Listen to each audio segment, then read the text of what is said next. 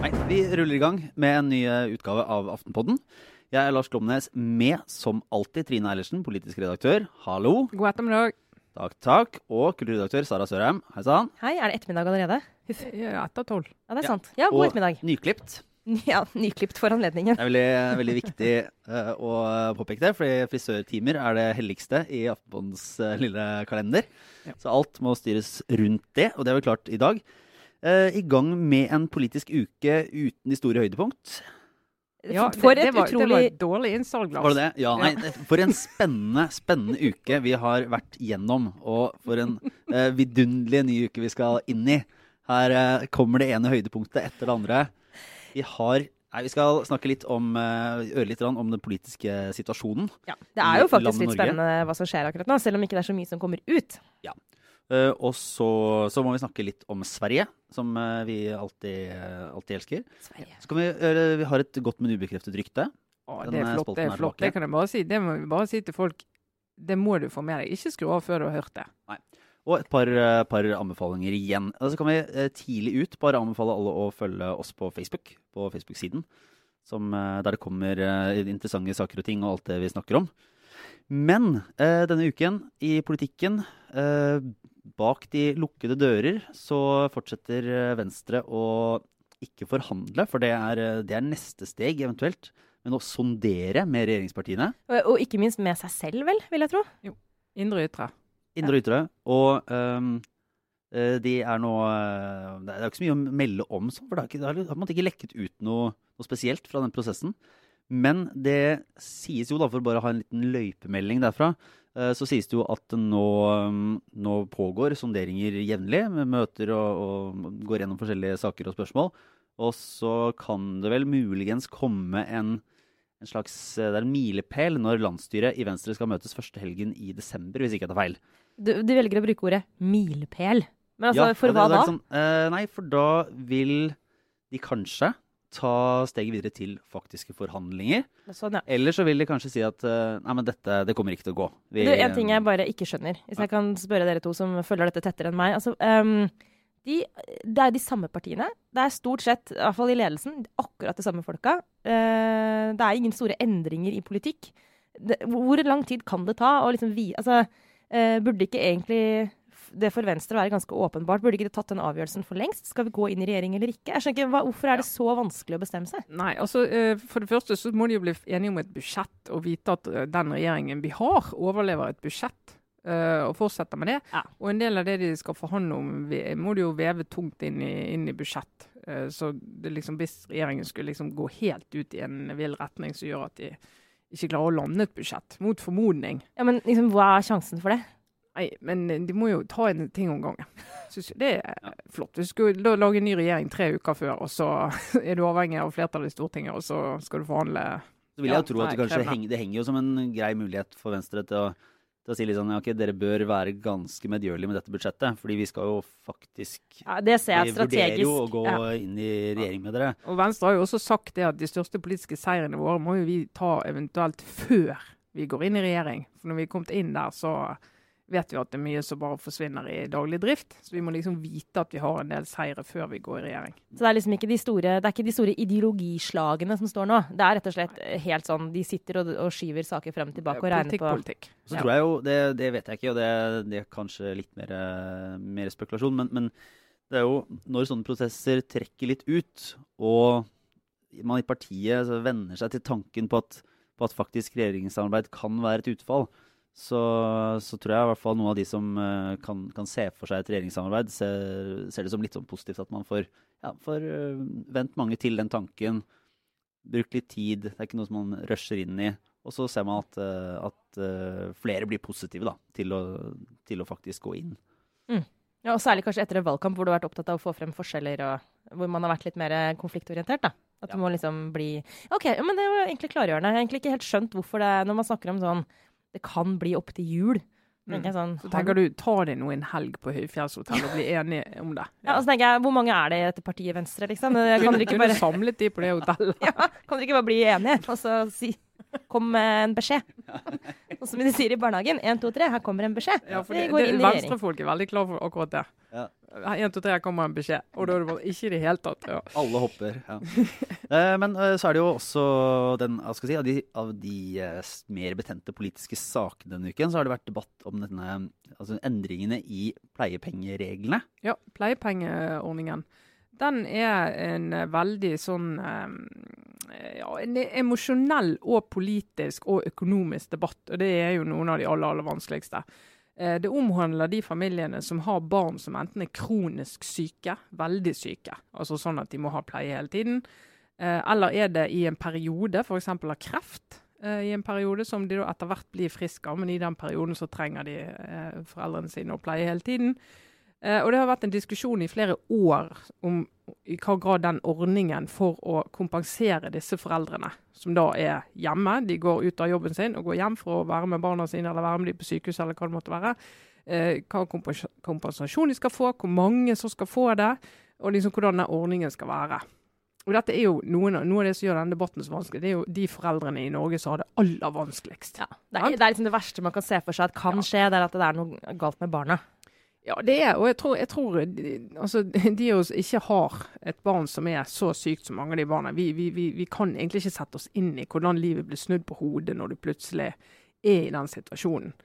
Eh, og så har det jo en, har det vært en ordning som Stortinget ble enige om med solid flertall i vår, om at den må vi utvide eh, til å angå mange flere, og ikke minst de som da har eh, barn som har kreft, eh, har, eh, avhengig av å være på sykehus nesten hele tiden i et år eller to, mens Ja, man fordi, fordi, blir ja, friske. fordi at, at kriteriene for hvilke, hvilke lidelser og hvilke, hvilke sykdommer var, var litt rigide. Eller det var, Det var ganske strengt, og det krevde veldig mye av foreldrene. Mye, mye mye kontakt med Nav. og Det ble liksom veldig, veldig mange som kunne fortelle hvor utslitt det ble av å hele tiden måtte argumentere for at de skulle få, eh, Det er få klassisk dekket dette. da. Og det systemet som egentlig skal hjelpe deg, det blir liksom til en ekstra byrde i en allerede vanskelig situasjon. Ja. Det er sånn typisk kritikk mot uh, byråkratiet, særlig i Nav, da. Og så er det jo ingen som har vært imot utvidelsen av ordningen, som nå gjør at dobbelt så mange, eh, 9000 flere, får eh, tilgang til denne ordningen enn de som hadde det før.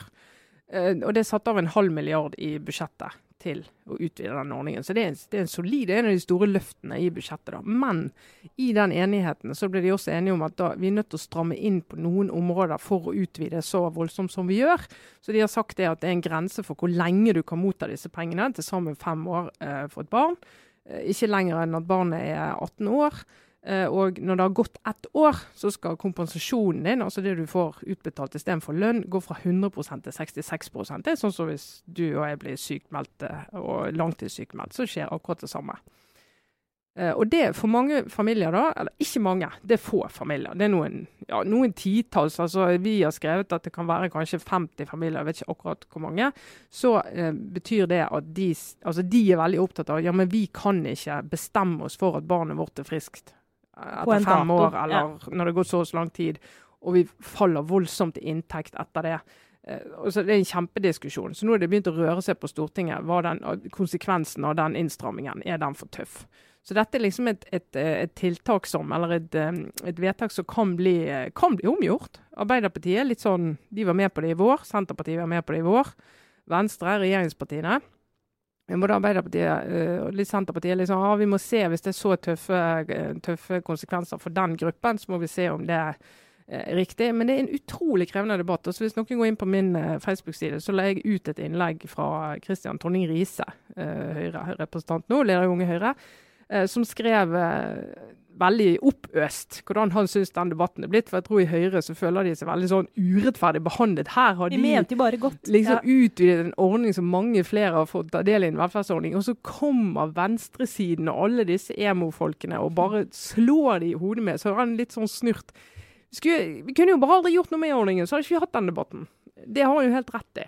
Eh, Men samtidig, så, hvis du leser tråden der, da, så ser du hvorfor denne debatten er så vanskelig. Sveinung Rotevatn deltar heroisk i tråden eh, og får grisekjeft av de andre i debatten. Og det som de har til felles, er jo at de har jo et sykt barn. De har jo levd i den situasjonen. Og det er jo utrolig sterke ting de forteller. sant? Og det viser liksom, når du som politiker virkelig skal konfronteres med konsekvensen av vedtakene dine, så du liksom jeg ser mange der eh, oppfatter han, og, og meg for øvrig, som har lagt ut denne teksten, da, som veldig kalde, veldig harde, og ikke har berøring med den situasjonen de er i. Og klassisk sånn velferdsordning, innstramming, som alltid går utover noen. Alltid går utover noen. Eller bare en endring i en velferdsordning, endring i et kriterium, rammer alltid noen. Og det er jo folk som har det sånn genuint vanskelig. Altså Det går ikke an å bestride. sant? Det er jo litt sånn, Jeg tenker på vår rolle også der. for det er jo, eh, når, når det kommer en sånn type sak som dette, så leter jo vi selvfølgelig etter eh, et case, som det heter på vårt språk.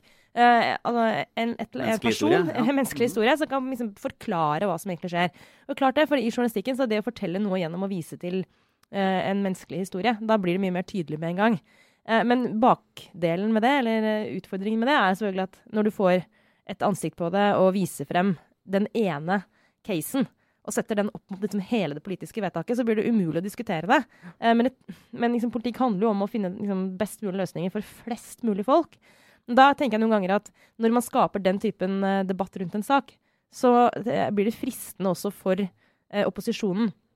I dette tilfellet både Arbeiderpartiet og Senterpartiet. Blir jo fristende å snu Eh, for å vinne en seier på kort sikt, eh, fordi de vil da fremstå som do-gooders i denne situasjonen. Mm. Eh, men så kan det være Jeg vet ikke nok om akkurat dette til å vite om det samfunnsøkonomisk hva det betyr, men det, kan, det er sånn det ender opp med liksom, politiske løsninger som egentlig ikke er bra i det lange løp. da. Ikke sant? Det er utrolig, sånn, utrolig vanskelig å vite. Da. Jo, det, er, det, er, det, jo en sånn debatter som fyres veldig opp, og vi fikk et, et sånn klassisk eksempel på noe av det politikere uh, syns er uh, vanskeligst. Og det er ikke det at de skal bli forskånet fra det, men dette var jo uh, var jo da Erna Solberg som var i, i Stortinget, og ble, ble utfordret av en gruppe av disse mødrene som måtte taler på, på vegne av altså mottakerne av disse støttene, som har veldig veldig syke barn. Kommer jo da klassisk, inn i vandrehallen, ja. inn i vandrehallen eh, sammen med SV, tror jeg det var, og mm. overrasker statsministeren og er litt den der Kan du se meg inn i øynene og ta fra meg mm. penger? Eh, ja, det, det, er jo det er utrolig sånn politikk satt på spissen. sånn. Konsekvenser av politikk. Og så er det jo, altså Vår rolle da, tenker vår rolle er jo Vi skal tale de svakestes sak. Det skal mm. vi gjøre. Vi skal løfte opp problemstillinger som angår de aller, aller svakeste. Eh, og de barna er jo definitivt i den gruppen. Mm. Eh, men så er det liksom, og det vet jeg jo kilder vi har i regjeringsapparatet, de er utrolig oppgitt over at det er så mye fokus på de få og ikke på de mange. Og at mm. ikke de får mer kred for at ordningen er utvidet.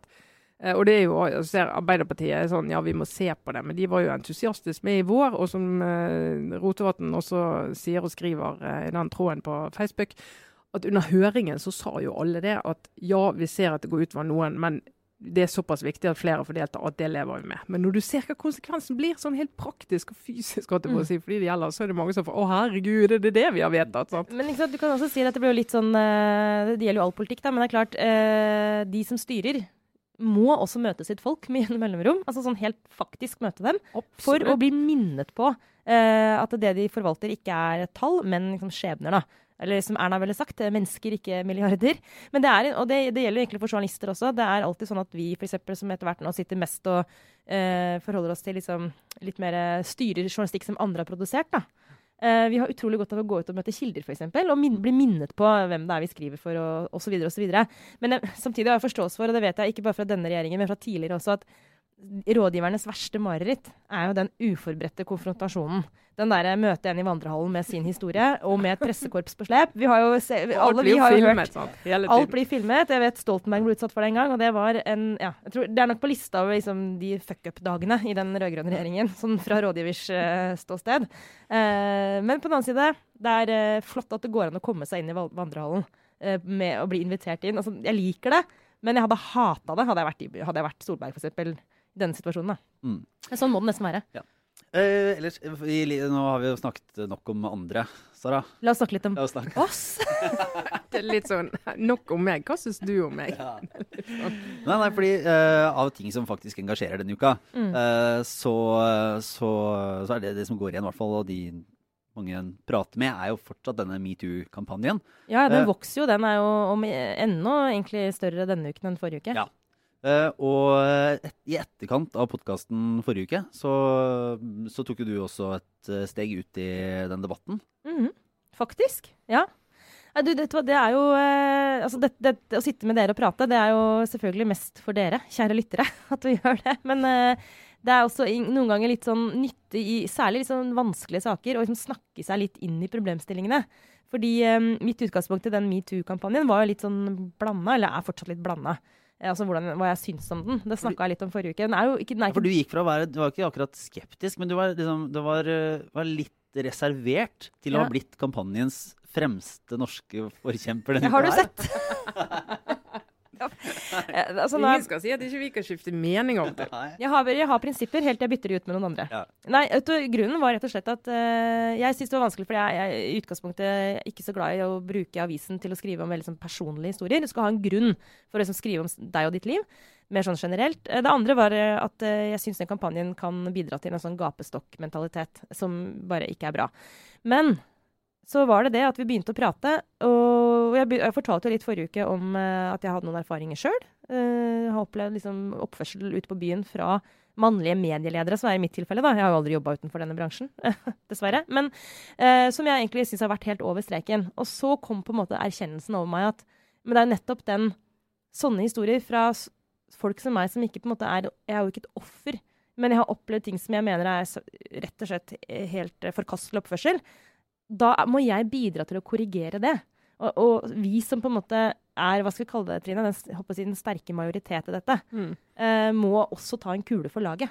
Det var det jeg plutselig skjønte. Og da, da tenkte jeg at nå må jeg, kanskje litt sånn på vegne av eh, andre som ikke sitter i en like trygg posisjon, Mm. eh, komme frampå og si at eh, jeg forventer faktisk at eh, Og jeg mener at vi bør kunne kreve at ledere, uansett kjønn, ikke går ut på byen og tafser eller klår eller på en eller annen måte gir eh, folk uønska seksuell oppmerksomhet. Særlig ikke fordi du sitter og forvalter og altså stillinger. Du har masse makt, sitter og intervjuer folk. Utrolig kleint for en ung, i dette tilfellet kvinne, som da f.eks. er vikar i et mediehus. At eh, han som sitter og skal ansette deg, er den samme som liksom tok deg på puppen for tre uker siden ute på byen. Men det må vi få en slutt på. Mm. Var det, var det, oh, føler, du- føler, føler du deg på en måte bejublet i etterkant av dette her? Det, det, jeg la merke til at en av våre andre favorittreferanser i, i denne podkastens historie, Facebook-veggen til Kjetil Rollnes, Ja. uh, var jo blant de som gikk ut tidlig og mer eller mindre sa at uh, at du bare var utrolig nærtagende og skal ikke være lov å uh, oppføre seg som et mannfolk lenger. Det var jo, det er en slags det- sånn Når når man har skrevet Var det, var det en stygg sånn Skal ikke være lov å sjanse litt på dommer lenger. Ja, men som en som skrev sånn Snakk om snikskryt. Eh, og bruke liksom en hel side i Aftenposten på å si sånn herre En mann prøvde å kysse meg. Å, jeg er så fin. Altså, den kom, det, var det var en dame som skrev. Det var en dame, ja. Det var Ja. litt fascinerende. Ja. Uh, men uh, det er jo et slags sånn Du kan jo bare, når du skriver en sak om dette temaet, så kan man jo egentlig bare begynne å telle ned til Kjetil Rollnes poster et eller annet ironisk og liksom lett utdritende om det på sin Facebook-side. Som man jo gjorde i dette tilfellet. Men på den annen side tenkte jeg men OK, jeg ønsket debatt.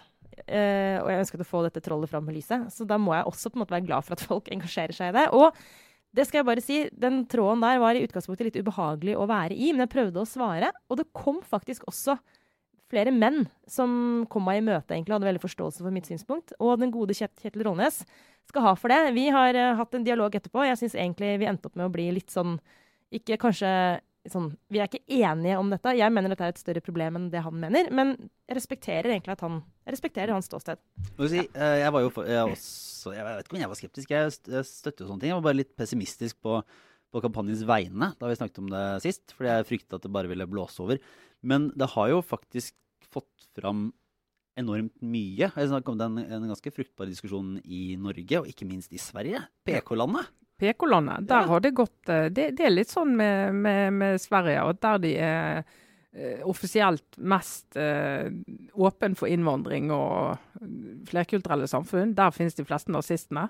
Mm. Der de er mest feministisk, tilsynelatende, der finnes en del av de drøyeste trakasseringshistoriene. altså, ikke ja, fint og vondt, men Sverige de, bare, de trekker alt litt lenger. Trekker alt litt lenger. På godt og vondt. Ja. Og i Sverige nå så er det jo eh, Aftonbladet. Eh, så vi har sammenligna litt med VG i Norge, med, hvis du skal se på makt og posisjon, og, eh, og delvis eid av LO i Sverige. Utrolig mektig tabloidavis med en veldig veldig mektig kommentaravdeling. Eh, veldig mektig meningsmiljø. Og egentlig de som har fått hardest kritikk for å slå andre i hodet når de har ment avvikende om innvandring eller feminisme eller noe som helst. Og så dukker det altså opp en sak der med en av de mest profilerte kommentatorene og lederskribentene deres, Fredrik eh, Vartanen, som blir beskyldt for voldtekt. Eh, og eh, blir outet da, først i sosiale medier, og så begynner andre medier å jobbe med det virkelig og samle inn anklager mot han etter litt for mange dager så tar Aftonbladet sjøl og går inn i historien. Mm, og intervjuer han, faktisk. Og intervjuer han, som, som Sofia Olsen, sjefredaktør i Aftonbladet, sier. Eh, han har selv valgt nå å fortelle sin historie. det, som, som, for øvrig var en veldig uh, det, var, ja, det var ikke helt Det var litt sånn Weinsteinsk uh, forklaring også. Var det sånn, ja, Jeg har oppført meg som en Skittstøvel, ja. i, når jeg har vært rusa og full. Ja. Jeg har betedd meg skittstøvelsk. Ja. Noe sånt. Ja, ja. sånn egen eh, ja. Gjorde det til et helt eget ord. Nei, men Det er jo um, sikkert riktig at han har gjort det i rusa tilstand, men det Som jo unnskylder absolutt ingenting. Nei, nettopp. Uh, det som jo er en uh, skikkelig altså dette, Nå er det litt sånn påstander her. Jeg, jeg kjenner ikke Aftenbladet-kulturen personlig, men det som kommer frem nå, er påstander i hvert fall om at det har vært en sånn um, uh, tystnadskultur, uh, hvor mange har visst om bl.a. Hanne Virtanen og andre. Altså at det har vært en sånn gubbekultur, men at liksom, ledelsen ikke har liksom, egentlig gått ordentlig inn i det. Og at, sånn som han nevnte nå, har vært en sånn profilert skribent for dem og en verdifull medarbeider. og at det liksom har gjort det vanskeligere. Altså, det har på en måte ikke vært aktuelt engang å liksom sparke han helt ut. da. Eh, nå, som sagt, Dette er bare ting som kommer frem nå i svenske medier. Påstander om en sånn kultur. Mm. Hvis det stemmer, så er jo det nettopp et eksempel på at én uh, ting er selvfølgelig grove overgrep, som det er snakk om her. Noe annet er jo hvilke signaler sender det til resten av redaksjonen? Uh, og hva gjør det med arbeidsmiljøet? Altså, er det på en måte da greit? Jeg kan tenke meg at det å være ung kvinne på fest i Aftonbladet, uh, hvis folk kommer unna med sånn oppførsel, kanskje ikke er så innmari gøy. Det men, men dette, er jo, dette er en troverdighetskrise for Aftonbladet. Totalt. Altså big time. Og det er litt, litt derfor vi kan snakke litt mer om dette. her, fordi at Dette handler om, om, mer enn bare han. Det handler om at det har vært en av de kommentatorene som har kommentert altså feminisme og likestilling og gått hardt ut og snakket om hvor viktig det er at uh, menn og kvinner blir uh, vurdert likt. Han kaller seg jo feminist. Og, er feminist, og Det er litt sånn, nesten litt sånn trist å lese svarene hans. for det er litt sånn, Ja, eh, jeg har gjort mye dumt i, i fylla når jeg har uh, brukt uh, droger og alt det der. Uh, men jeg er feminist. Mm. Sånn at det er jeg. Altså, det er litt sånn Ja vel. Eh, men, da, men, da, er vel alt i orden, da. Mm. Altså, det, det, det, er helt grunnleggende. Og det er når du får eh, Jeg leste saken i Ekspressen i går, Dagens Nyheter, altså de store konkurrentene virkelig har gått inn i det her. Eh, og behandler han som en maktperson. Mm. Og det er jo folk i mediene som er veldig profilerte. Selv om ikke du er sjef, mm. så er du en maktperson. Hvis du er en veldig profilert programleder, hvis du er en veldig profilert eh, skribent, da har du en makt som du er nødt til å være klar over. Eh, og Det handler også om hvordan du kan påvirke folk og få folk til å eh, føle seg eh, altså, marginalisert hvis du ikke forholder deg til det de mener, eller hvis du gjør et eller annet mot dem og de sier men det er jo ingen som kommer til å tro deg, for de kjenner jo meg. Altså, Masse sånne ting i den makten. altså som Aftonbladet, hvis, hvis, det er riktig, mm. de påstandene som kommer nå, så er det fullstendig tillitskrise. Og det er jo heller ikke bare Aftonbladet. Nå skal vi ikke snakke mye om min frisør, for det er helt irrelevant i denne sammenhengen. Annet enn å bare nevne at hun er svensk. Eh, og hadde ikke hørt om eh, disse sakene, så viste jeg henne bilder av de to andre. Det er to programledere i TV4 og i, i SVT, som også er eh, nå permittert og anklaget for seksuelle overgrep. Og hun viste henne bilde av dem, for jeg hadde ikke hørt om de før, men hun ble helt sånn Å, hallo! Dette er, det er to veldig, veldig kjente uh, programledere i Sverige, og to sånne koselige karer, på en måte, da, som hun, altså, som hun sa, jeg ville aldri trodd noe sånt om dem. Eh, altså den, da skjønte jeg liksom at det er ikke, det er ikke sånn helt altså De har ikke lett veldig inn i liksom langt, langt bak i liksom rekkene. Det her er noen av de som har vært mest profilerte. Mm. Og da er du også kulturbærer, sant? Mm. Eh, så klart eh, at det får konsekvenser. Og det er helt sånn maktpåliggende nå at det, får, at det får også konsekvenser for dem. Nå er de jo permittert, da, så vi får se hvordan det utvikler seg. Men jeg har jo da jeg har jo tilbudt meg, jeg kan eh, ta det som min OR i dag, så jeg kan ta noe. Jeg har en liten sjekkliste for menn som om de lurer på om de driver med trakassering. For det har jo sett vært en del av eh, virkelig sidesporene i denne debatten. Hva er trakassering, og er det ikke lov å flørte på byen? og Har ikke lov å spandere en drink, og så spørre om du har lyst til å bli med meg videre. og er det trakassering? Altså helt, helt på trynet. Ja. har en sjekkliste. Jeg har faktisk laget et lite sånn tre. Beslutningstre. Ja. Kan vi legge ut det på Facebook? Ja, jeg kan ta bilder og legge ut på Facebook. Det første, hvis du er mann, så må du tenke sånn Har jeg makt? Jeg har makt. Uh, og, og i en situasjon der jeg ser en kvinne har jeg på en eller annen måte makt over denne kvinnen. Formell makt eller uformell. Og Hvis du ikke har det, dette er bare møte på byen og ikke noen sånn relasjon, du, Du er liksom ikke en som flørter. Flørter, helt vanlig, helt lov. Spanere en drink, helt vanlig, helt lov. Eh, men også der, og dette gjelder for alle, hvis du merker at det er ingen interesse, ingen klangbunn, så må du gå. Ja. Da er det ferdig. Da er ferdig. Da er kveld ferdig. Hvis det er interesse, whatever. Har du makt, så må du se hva makt har jeg. Er sjefen til denne kvinnen på en eller annen måte Jeg er sjef i organisasjonen hun jobber, f.eks. Mm. Så, må du se, er dette en, så for det, første, for det første skal du da ikke Du skal ikke flørte. Du skal ikke tafse. Du skal ikke prøve å, å, å liksom ta på eller komme med sånn dobbeltbunnkommentarer som kan misforstås. Og det er rett og slett en, av, en del av prisen ved å være leder. Ja. Du får ekstra betalt for å ta på deg ekstra ansvar.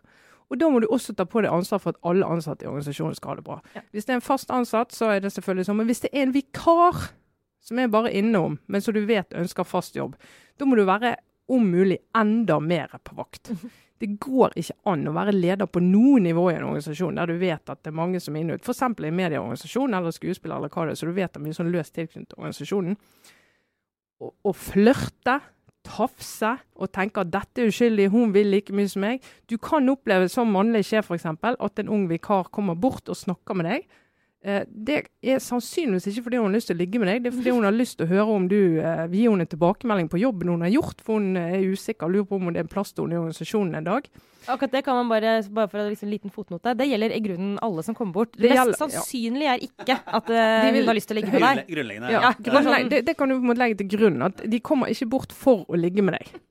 Og så, selv om de er hyggelige, og selv om de blir glad for interessen, og noen blir faktisk til og med smigret over interessen. Og noen, hvis du spør blir du med på en bar videre, så kan hende de si ja, for de syns det er hyggelig å snakke videre, og det er smigrende å snakke videre, og de, de, de, de er glad for at du har lyst til å bli kjent med dem. Det betyr ikke at de vil ligge med deg. Det betyr ikke at de vil ligge med deg. Så du må bare Og hvis du da skulle bli dødsforelsket i en på arbeidsplassen din en dag, det kan skje. Mm. Er det en vikar, så må du vente til vikariatet er over, og så får du heller ta kontakt da. Det er mulig, på en ordentlig måte. Og blir du avvist, så blir du avvist. Det er helt streit. Er det en ansatt, da skal du altså være så forelsket og vite at da må enten du eller den ansatte begynne å jobbe et annet sted. Mm. Du kan ikke begynne å holde på med sånt hvis du er leder i en organisasjon. Det går ikke. Av hensyn til kollegene, av hensyn til når det går galt. Som en eh, mellomleder der jeg eh, var før sa, det er jo ikke noe problem når folk blir sammen på jobb. Problemet er jo når det blir slutt. Det blir jo et helvete for oss andre. Men hvis man jobber på samme, hvis man er kollegaer, på, men ikke den ene er sjef over den andre, da kan man ligge hvis Ja, ja, man vil. ja, ja. herregud, hvem treffer Altså, folk må jo la, la folk ligge og flørte og holde på. Altså, for all del. Men det er bare det når du er leder og har makt. Makt er er et begrep her. Og hvis du hører på denne listen her, og du tenker at det er jeg helt enig i, men så vet du at når du har drukket, så glemmer du alt det. og så må du slutte å drikke i jobbsammenheng. Ja. Du må slutte å drikke i jobbsammenheng. Og så tredje kategori, jeg bruker litt tid på dette, Men det er tror det er veldig nyttig. Lars sitter og følger med. Hvis du er leder, hvis du er, om du er statsråd, om du er en profilert politiker, om du er leder i en profilert bedrift, hva det måtte være, og du er ute på byen og tenker du at nå her Jeg er jo ikke i min egen organisasjon, jeg kan jo bare gå ut og sjekke så mye jeg vil. Så må du tenke at du representerer organisasjonen, du representerer ikke bare deg sjøl. Det handler om omdømme, og det kan jeg love deg 100 Dette blir det snakket om. Mm. Det blir snakket om. Sånne folk kan ikke stå i en bar og tafse, prøve seg på folk legge seg over damer, nekte å gå når de åpenbart viser de ikke er interessert, uten at det blir snakket om. Så sånn er det. Det, dette tror jeg vi bare kan uh, konstatere at det er sånn uh, slags uh, klippet og hengt på veggen-lapp. Og så betyr også det at For jeg har også hatt en del sånne kjempehyggelige karer som etter at jeg skrev den kommentaren, har vært litt sånn eh, du, den gangen jeg viste litt sånn interesse på tidlig 2000-tall eh, at Jeg håper ikke det er meg, liksom. Eller altså sånn eh, skikkelig bra karer som blir stressa av at de lurer på eh, om de kan uforvarende liksom, ha gjort noe gærent. Og da tenker jeg sånn, ikke, det er sånn, veldig synd hvis den kampanjen fører til at bare helt normal oppførsel liksom, blir helt umulig, for du blir livredd for å gjøre feil. Ja, la oss hylle sjekking og flørting. da, Sjekking og flørting, topp stemning for Det det. er tipp topp. Du vet sjøl akkurat altså Egentlig Ja, så kan man derfor, faktisk det er derfor debatten er litt rar. For hvis ikke du vet hvor grensen går, nå må du sitte hjemme og se på TV og lese bøker. Så du må slutte å gå ut. Eller så merker du akkurat når det har gått for langt. Og de fleste med gode sosiale instinkter, de, de skjønner det av seg selv. Heldigvis. Så får vi håpe at de som ikke gjør det, blir, eh, får liksom at det går opp et lys for dem nå, da. Jeg jeg er litt spent på detaljene i den lille, det lille treet ditt. Eh, Ja, ja, det kommer flere detaljer. Det gjør det. Jeg har, jeg har skissen her, skjønner du. Flørte, sjef, avvist interesse. Ja, det er fine kategorier. Jeg kan eh, da egentlig ta min lille obligatoriske refleks. Nei, vent da. vet. Nå, ja, jeg tar først det gode, men ubekreftede ryktet. Tar vi det nå? Nå. Ja, Ja, gøy. OK. fordi eh, det er jo um, Det er jo egentlig en, det er jo en spalte det, Nå tenker jeg at vi har, vi har blitt så dårlige på å, å komme med den at vi, det er nesten som å forklare hva det er. Ja. For det er jo også Det er jo bare de små eh, ryktene og historiene som alle har til felles at de er helt sanne. Uh, og da kan vi avsløre, da, siden vi egentlig ikke har snakket noe om uh, altså Siv Jensens Poca- Pocahontas-gate. Pocahontas-gate. Nei, den har vi liksom ikke orka helt å snakke om. Jeg bare ble, ble så irritert på he hele opplegget. Må- Månestrålegate er vår generasjon. Ja. Ja. Men nei, bare en detalj inn i dette uh, er at Altså, vi, nå forutsetter vi at lytterne våre vet om hva det er, men det gjør vi. det gjør Det vi. gjør vi. Det, det vet hva vi. Hvis ikke må du google monostrålegeit. Ja. Uh, men nei, i hvert fall, det er bare den, den flotte lille detaljen at uh, Siv Jensen fikk, dette, fikk tak i dette kostymet på NRKs kostymelager. Ja, det er nydelig. Å, det var katt. Du fikk låne Pocahontas indianerkostymet sitt av NRK. Ja. Men henger det nå oppe i NRK-en? Det må, Altså, må vi legge det, det- til grunn? Det må Jeg man jo vil- legge til grunn. Jeg skal til NRK i kveld. Jeg skal prøve, vet du hva? Jeg skal ta en sånn gonzo eh, Jeg skal valraffe meg inn i det kostymelageret hvis mulig og se om jeg kan finne det indianerkostymet og ta et bilde. Det kommer jeg ikke til å klare. Det er etasjen under det studioet du skal i. Og det fine, det som eh, Hvis ikke det er helt feil, første som skrev om uh, saken, problematiserte NRK. De burde ha Altså, jeg har faktisk jobba som, som guide i NRK for mange år siden. Og Konspiranoia. Jeg bare sier 'kom inn'. Ja. ja, men vi var jo, en av de tingene man gjør når man er på besøk i NRK, er å bli, å bli guidet rundt, er å besøke kostymelageret, som for øvrig er helt fantastisk. Og kyllingdrakta til Bård Tufte henger jo der, blant annet. Den han hadde på seg når han Ja, dro ja. opp og lagde den herlige, kyll- herlige kyllingstuntet. Så det er veldig mye gøy å se på Bobby Socks sine Grand Prix-klær osv. Men de burde jo ha nå en egen sånn Hva skal vi kalle det for noe, da? Sånn eh, type En utstilling på ikoniske I- For det første ikoniske utkledningsklær, men også sånn eh, politisk ukorrekt. Eller sånn ikke velg fra denne hylla hvis du er politiker, medieleder, på noe som helst måte. Altså sånn Egentlig bare ikke velg fra denne hylla. Jeg kan, eh, bare en, et annet, men det er mer en apropos. Som jeg, har hørt. Du er jo sånn Stjernekamp-kicker, er du ikke det, Trine? Og eh, definitivt. Det er finale på lørdag. Jeg er klar. Ja, og du skal jo dit. Jeg og min, eh, min eh, seks år gamle sønn. Ja, Det fikk du jo høstla til deg gjennom å utnytte din mediemakt. Gjennom å ønske deg en billett her i. Aftenpodden. Det ble bare bemerket av noen jeg, noen jeg snakket med, at, som hadde fulgt, uh, fulgt sist utgave av Stjernekamp, som var joik. Ja. At det var ingen at det, det var sånn, det var ingen tradisjonelle sånn, Ingen gikk i kofte, nei. Ingen kofte. Nei, nei, nei. Ingenting. Det Det var- var ingen far. Det var kun dom, han ene dommeren som var ordentlig same, som gjorde det. Så det Nei. De har lært. De har Helt, lært. Helt, helt, helt kort obligatorisk refleksjon. Jeg har sagt dette før, men eh, folk er trege. Eh, så jeg anbefaler bare på nytt den svenske podkasten som er sånn den min Ja. ukentlige dose. Som er sånn Dette er det første Så fort det har kommet, så hører jeg det med en gang. Eh, Lilla Drevet. eh, kjempebra. Men, men, Aftenbladet. men la oss si at folk er trege. Er det fordi eh, lytterne ikke har meldt tilbake trege at de har hørt på det? Så nå vil du gjerne Ja. at de logger det og forteller deg Trine. Eilertsen, nå skal du høre her.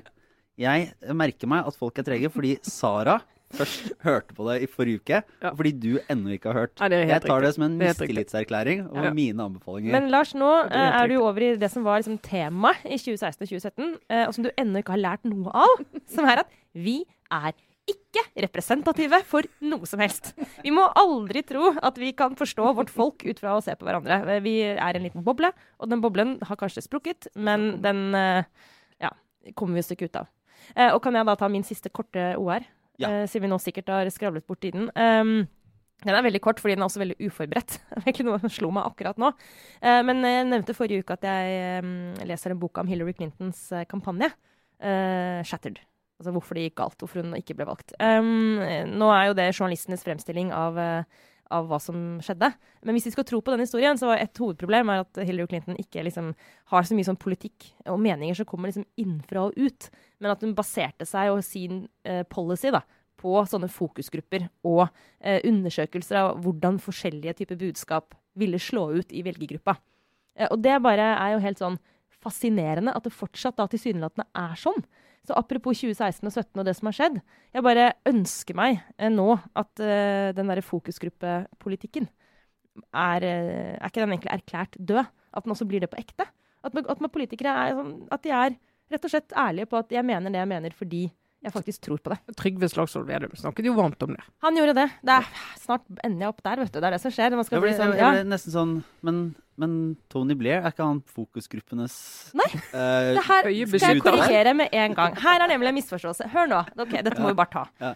Man blander sånn fokus Altså, hvis man bare tilfeldigvis mener det som faktisk er det eneste rette å mene, så kan man ikke Så går det faktisk an, selv om det er sånn kjedelig politikk in the middle of the middle, liksom, eller kanskje litt slightly til venstre for middel, så eh, trenger du altså Selv om det tilfeldigvis er det som viser seg i alle fokusgrupper, eller viste seg, da, at det var lurt å mene, så kan du faktisk mene det på ekte. Jeg mener at det, var egentlig, det var egentlig fokusgruppen ble overbevist av Tony Blair. Ja, men jeg mener at Tony Blair var kan ikke skylde på Tony Blair at folk bare forsto at han visste best. Ja, men Jeg vil bare ikke ha på meg at Tony Blair var et så fokusgruppeprodukt. Han var en ekte politiker. Nei, Åh, ja. eh, da, da, tror jeg vi, da tror jeg vi sier at det var nok for denne gang. ja, det Eh, var så er vi tilbake neste uke. Da er jeg i Spania. Å ja. Jeg skal være i, i Barcelona i tre uker, Oi. faktisk. Ja. Eh, så Det høres nyttig ut. Jeg har fått stipend For for å si det sånn, det er ikke for å dy- dypdykke deg i katalansk politikk. Nei, nei, nei. Så jeg tar den neste tre podkastene tar jeg på spansk. Ja, Vi ser fram til det. Yep. Takk for tålmodigheten, dere som har holdt ut eh, helt til nå. Ja, men det har ikke vært sånn kjempelenge, altså, Sara. Så det, det er så bare at du har opplevd den gleden ved å være i studio her eh, lenge. Men eh, da takker vi for oss, og så er vi tilbake neste uke. Det var Trine Eilertsen, Sara Sørheim, jeg er Lars Domnes. Ha det bra.